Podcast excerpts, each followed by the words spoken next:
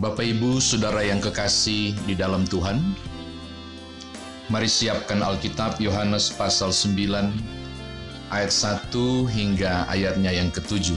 Yohanes pasal 9 ayat 1 hingga ayat yang ketujuh sebagai bahan renungan kita pada saat ini. Sebelumnya mari kita satu di dalam doa. Bapa kami mau mendengarkan firman-Mu, layakkanlah kami untuk mengerti, memahami karena hikmat yang Tuhan anugerahkan, lalu kemudian dapat mengerjakannya.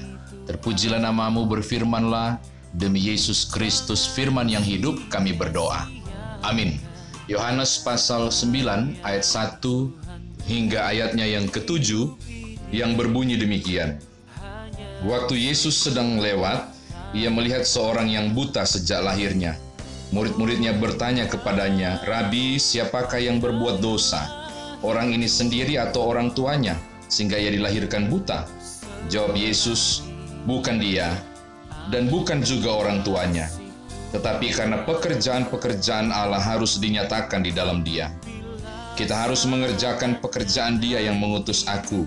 Selama masih siang, akan datang malam di mana tidak ada seorang pun yang dapat bekerja Selama aku di dalam dunia, akulah terang dunia. Setelah ia mengatakan semuanya itu, ia meludah ke tanah dan mengaduk ludahnya itu dengan tanah, lalu mengoleskannya pada mata orang buta tadi. Dan berkata kepadanya, Pergilah, basuhlah dirimu dalam kolam Siloam. Siloam artinya yang diutus. Maka pergilah orang itu, ia membasuh dirinya, lalu kembali dengan matanya sudah melek. Bapak Ibu, saudara kekasih dalam Tuhan, saya Pendeta Nyoman Jepun. Saya ingin mengajak saudara untuk melihat dua catatan penting dari teks bacaan kita. Yang pertama, perhatikan ayat yang kedua, pertanyaan para murid. Ketika melihat orang buta itu, para murid langsung bertanya, Guru, Rabi, siapakah yang berbuat dosa, orang ini sendiri atau orang tuanya sehingga ia dilahirkan buta? Perhatikan Bapak Ibu bahwa yang sakit ini, yang buta ini adalah orang yang buta sejak lahir. Jadi bawaan dari kandungan dia sudah buta. Hingga pertanyaannya, apakah ini disebabkan karena dosanya atau dosa orang tuanya? Ini menarik saudara. Ini benar bahwa berupa pertanyaan. Tetapi sesungguhnya ini mengandung justifikasi atau penghakiman. Bisa jadi.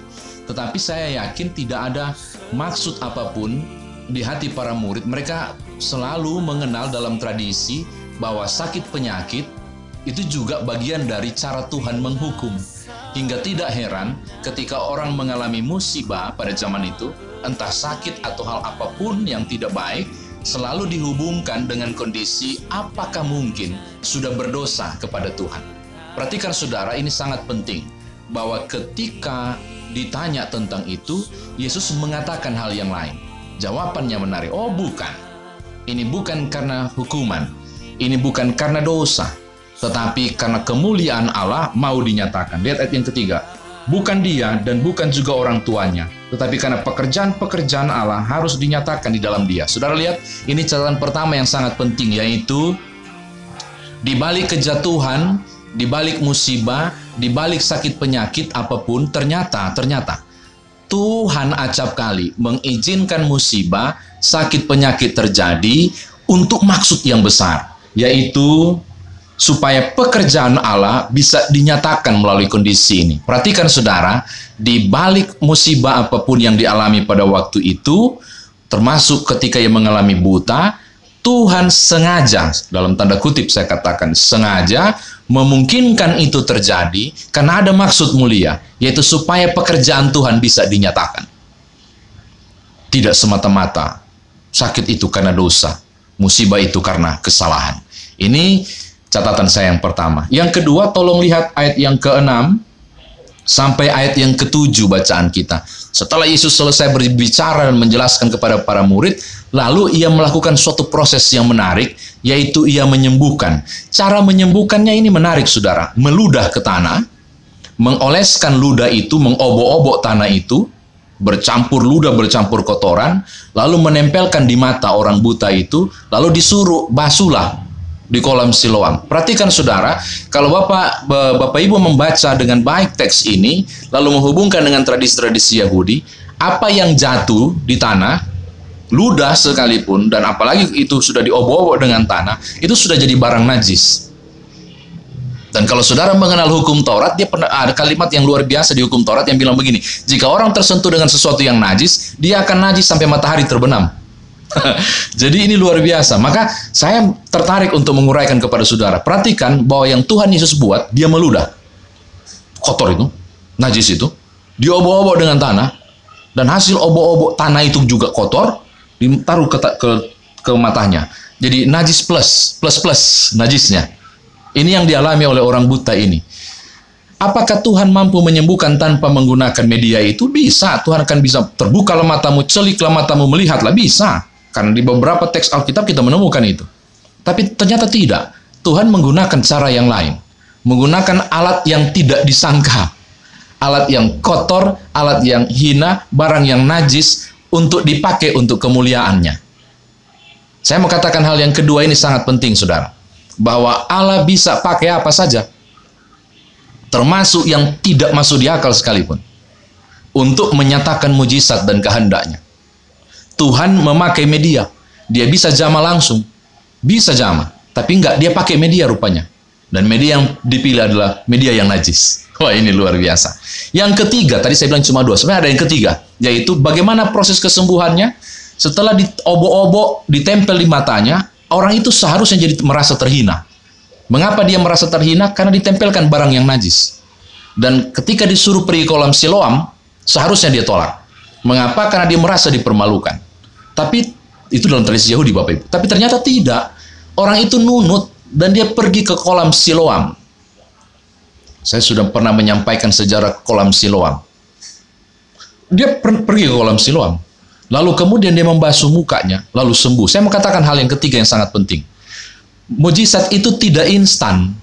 Melibatkan ternyata semangat dan tindakan iman dari si buta ini. Andai kata si buta itu menolak, enggak, siloam jauh. Andai kata si buta kemudian memberontak, kau bikin saya najis, guru.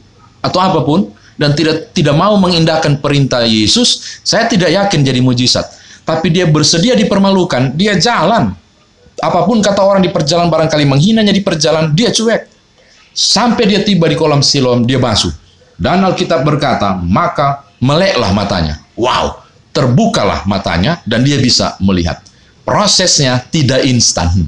Jadi mujizat ini terjadi atas kerjasama antara Yesus dan si buta juga.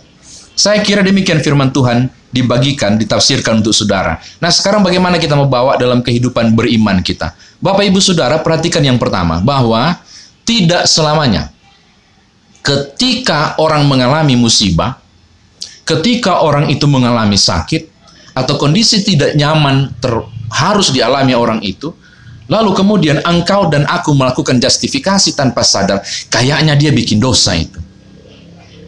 Kayaknya ada sesuatu yang dia buat sampai Tuhan hukum. Oh hati-hati Bapak Ibu. Bahwa acap kali musibah sekalipun. Hal yang tidak indah pun bisa Tuhan pakai untuk jadi pekerjaannya. Dinyatakan dalam kemuliaan. Jangan cepat-cepat menghakimi seseorang. Karena bisa jadi di balik kemalangan itu kemuliaan Tuhan dinyatakan. Saya mau katakan hal yang sama kepada saudara. Di kondisi COVID-19 sekalipun, di kondisi kita physical distant, di hal-hal beberapa orang yang sedang berduka, beberapa yang sedang terisolasi, ada yang sudah lebih dari sekian hari belum bisa ketemu keluarga. Di antara saudara ada yang berpikir, mungkin karena dosa kah dia? Apakah Tuhan, mengapa Tuhan bikin ini, bla bla bla, dan pertanyaan saudara begitu banyak. Saya mau katakan satu hal yang pasti, bahwa kalau Tuhan mengizinkan sesuatu, ada sesuatu dari pekerjaan yang mau dinyatakan. Amin. Ada hal yang Tuhan mau buat, supaya ditinggikan dan dimuliakan. Persoalannya, apakah engkau mau menunggu proses kemuliaan itu dinyatakan? Ini hal yang ke pertama. Yang kedua, perhatikan bahwa Allah bisa memakai apa saja. Untuk memulihkan bangsa ini di COVID-19, Tuhan bisa gunakan. Dia pulihkan tiba-tiba besok pagi sudah tidak ada nih virus, bisa. Tapi jangan lupa bahwa Tuhan juga menggunakan hal yang tidak masuk di akal tadi. Yaitu ludah, tanah, barang-barang najis ini ditempelkan di mata, lalu orang itu disembuhkan ketika membasuh kolam siloam. Saya mau katakan hal yang kedua ini untuk saudara bawa pulang. Allah bisa memulihkan negeri ini dan dunia ini, tapi Tuhan memakai banyak cara. Termasuk melalui pemerintah yang meminta saudara tetap berdiam di rumah sebagai cara memutuskan mata rantai penyebaran COVID-19. Menggunakan para kemampuan para medis dan ahli virus barangkali untuk menemukan vaksin corona ke depan, saya nggak tahu. Mem menggunakan kelelahan para perawat, tenaga medis yang nggak pulang-pulang ke rumah untuk merawat para para mereka yang sedang sakit. Ada banyak cara yang Tuhan bisa gunakan. Saya katakan dan bertegaskan sekali lagi, Allah bisa sembuhkan dan pulihkan langsung, tapi Tuhan juga bisa gunakan banyak cara, termasuk menggunakan saudara dan mereka yang berada di garis depan dalam proses pemulihan dunia dan juga negeri ini. Terakhir yang ketiga, ayolah, jadilah kawan sekerja Allah. Seperti si orang buta itu yang tetap berjalan sampai dapat kolam siloam, lalu membasuhnya. Engkau pun diajak, ayolah, jadi kawan sekerja Allah, supaya terjadi pemulihan, terjadi perubahan, terjadi kesembuhan. Allah mampu melakukan segala sesuatu. Tidak ada kondisi yang dapat membatasinya. Hanya dibutuhkan ketaatan, dibutuhkan kesabaran, juga iman untuk melaluinya. Selamat menjadi kawan sekerja Allah. Jangan berkecil hati, siapa pun saudara yang barangkali sedang sakit saat ini atau kena musibah.